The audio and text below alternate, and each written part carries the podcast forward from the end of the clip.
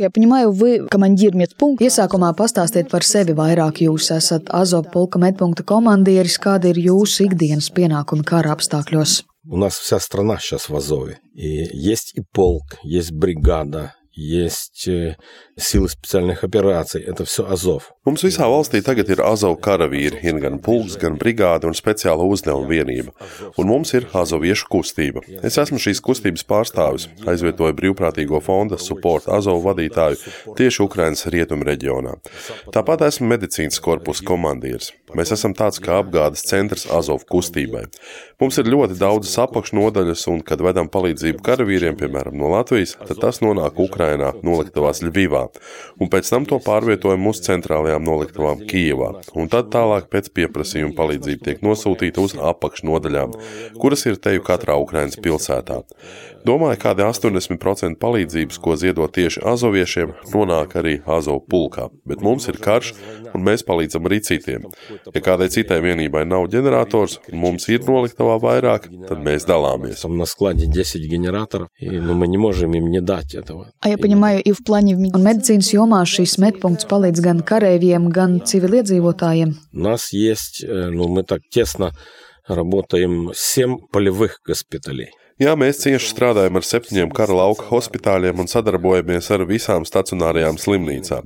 Tāpat palīdzam civilajām slimnīcām, tostarp bērnu slimnīcām, pansionātiem, jo mums sūta arī, piemēram, pamperus vai kādus medikamentus, kurus tālāk izlām šīm iestādēm pēc situācijas. По medicīne, по всему. Все время kādus kara noziegumus pret civiliedzīvotājiem jūs esat pieredzējuši šī gada laikā? Это страшно смотреть на вот эти ихние развлечения, где Буча, Ирпинь. Там много друзей погибло. Tas ir briesmīgi redzēt tās viņu izklaides bučā, irpiņā. Man tur daudz draugu gāja bojā. Man vienkārši nav vārdu par to, kas tur darījās. Нету слов, что они вытворяли. Vai tūdā тоже evaku- Jūs arī esat evakuējuši tieši iedzīvotājus no šīm vietām? И потом возили, и эвакуация. Есть много, было много людей, которые не хотели ехать. Jā, izvedām, un bija arī daudz cilvēku, kas negribēja pamest savus mājas, bet viņiem taču vajadzīgs ēdiens, un nekā tur nav. Labi, ja pazūd elektrība, tad ir visādi lukturīši un citas lietas, bet tad, kad nav ūdens, tad tā ir katastrofa. Mēs vedām ar mašīnām ūdeni no Karpatiem cilvēkiem vietās, kuras tika atbrīvotas no okupācijas un kara darbības. Aizvedām tur veselu makaronu kravu. Orki neko tur neatstāja, viņi visu savāca un cilvēkus apšaudīja, vienkārši nogalināja, ne tikai bučā, arī citās vietās. Tā viņiem bija izklaide, un viss ir piefiksēts. Mēs viņus nekad nesapratīsim. Mēs viņus nepamjom nekad. Nekad nikto jih nepamjom. Jūs esat šī medpunkta komandieris. Kā ir ar cilvēku resursiem, vai pietiek kara mediķu, kas strādā arī frontē? Jo tad, kad Latvijā šodien viesojās mediķi no vairākām Ukrainas slimnīcām, viņi norādīja, ka katastrofāli pietrūks, piemēram, speciālistu protezētāju medicīnas iestādēs, bet kā ir ar mediķiem frontē? Nu, Mums tādus kaujas apstākļu mediķus nemitīgi apmāca un visās apakšvienībās bez oficiālā taktiskā mediķa vēl ir katrs karējus iziet. Pirma pirmās palīdzības kursu, un teorētiski arī karavīrs zina, kā sniegt šo palīdzību. Un tieši pirmā palīdzība ir būtiskākā kara apstākļos, jo tālāk jau mums ir evakuācijas sistēma. Taču evakuācijas mašīnas, kuras cietušos nogādā tieši no kara lauka līdz pirmajai frontes līnijai, tās gan mums pietrūkst visu laiku. Un latvieši šeit mums ļoti palīdz, tāpēc mēs oficiāli esam tagad uztaisījuši Azov support atbalsta centru arī Latvijā. Un puiši tagad jau strādā. Piemēram, tagad mēs dzīsim uz Ukrainu pasažieru pusiņu, kurš darbosies evakuācijas zonā un visticamāk jau no pirmās līnijas nogādās cietušos uz otro, kur savukārt viņus savāc neatliekamā palīdzība un cenšas stabilizēt ievainoto stāvokli. Tā doma ir tāda, ka ar katru līmeni to ievainoto jau apstrādā ar vien konkrētāk medicīnas speciālisti. Esat arī pats vedis šos ievainotos karavīrus no punkta A uz punktu B, ko tādā brīdī sakāt saviem biedriem, kā jūs cenšaties viņus uzmundrināt tajos apstākļos? Ну, была вот последняя эвакуация с Мариуполя ребят вертолетами. Один вид... Pēdējā Azovu karavīru evakuācija, kuru atceros, piemēram, no Mariupoles ar helikopteriem. Viena no tiem, diemžēl, notriec un visi gāja bojā. Otru tikai aizķēra, un tas varēja izkļūt ārā. Un aptuveni 50 puišus, kurus izveda, viņi visi tur Azovstaļā bija ievainoti un tika stabilizēti. Un tur bija puiši bez rokām, bez kājām, un kad tu atbrauc viņiem pakaļ, tad tā ir katastrofāla aina. Viņi visi ir caurumos, netīri, asiņaini. Viņi tur bija ellē, viņus tiešām izved no elles. Tad tu ņem viņus savā evakuācijas mašīnā un ved tālāk uz kādu metpunktu, un tajos brīžos patiesībā vienkārši nav vārdu. Man gan vienmēr līdzi ir kaut kāda sīkuma, mandarīna, konfekts, nu, kaut kas ēdams, jo saprotiet, tajā ellē nekā nav. Un mēs cenšamies uzreiz izrādīt rūpes visos veidos, lai viņi arī saprastu, ka par viņiem neviens nav aizmirsis. Arī vēlāk es uzturu kontaktu ar katru, kurš bijis pie manis nonācis. Daļa arī atgriežas atkal karā, piemēram, karēvi, kur ir izgājuši rehabilitāciju. Viņi bieži bez kara vairs nevar. Man ir draugs, viņam vairs nav pusrokas. Uztaisījām viņam jau protēzi, un tagad viss tikai padod viņam formu, un viņš ies tālāk karot. Viņš ir tankists. Protams, bez rokas viņš to vairs nevar darīt, bet ar protēzi viņš tāpat var vadīt mašīnu un jau turpina atkal darboties Ukrainas aizstāvēšanā. Viņam ir tikai 27 gadi, un viņš viņš par visu cenu gribēja atgriezties pie saviem brāļiem. Tas Mariupols azoviešu pulks ir atjaunots tagad, neskatoties uz to, ka domāja ap 500 līdz 900 karavīri ir vēl gūstā. Mēs nezinām precīzi, jo viņi mums nedod pilns saraksts un negrib viņus izlaist. Viņi vienkārši baidās no azova.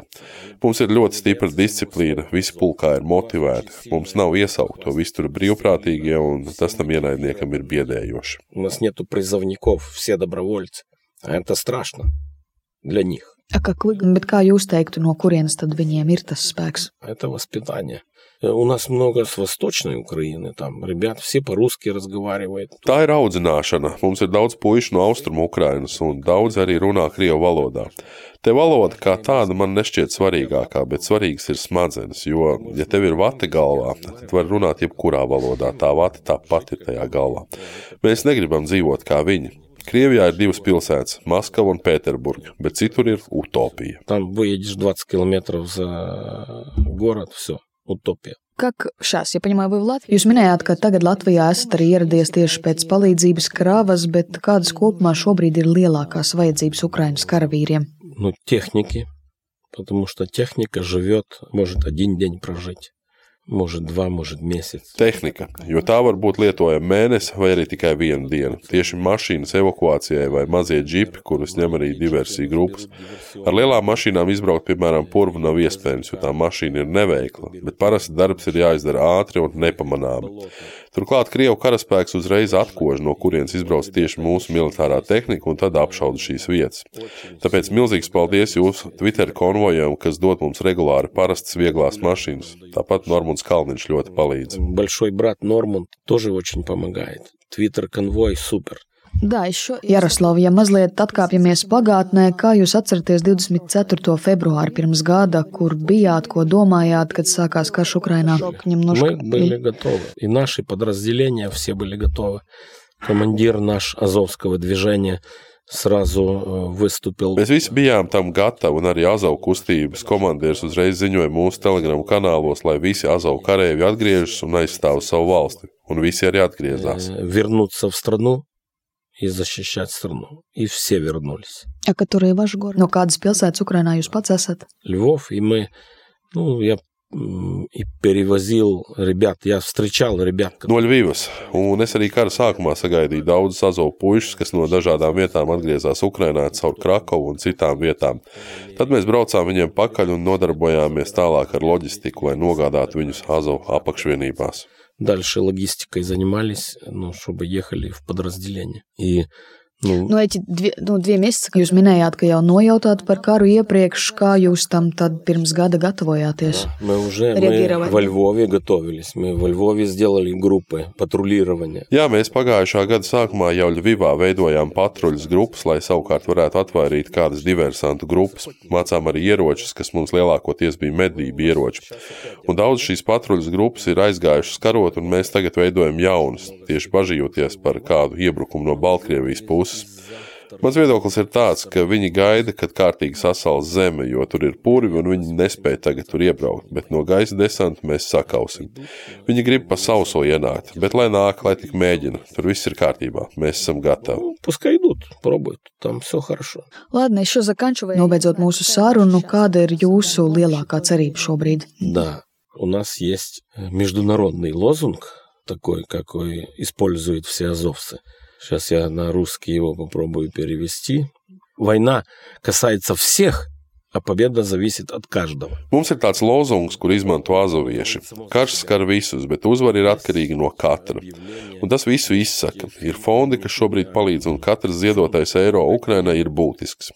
Ja negribat palīdzēt karavīriem, tad palīdziet Ukrainas bēgļiem un bērniem, kuriem nav ko ēst. Piemēram, Karpatos ir ļoti daudz bēgļu bērnu, kas šobrīd tur dzīvo pagastu kultūras namos uz raskladuškām, un viņiem reizēm beidzas pārtika. Tāpēc paldies jums par visu, un uzvar ir ar mums! И иногда вот у них заканчивается еда. И, ну, да, и очень большое спасибо вам. Paldies, брали. И победа за нами.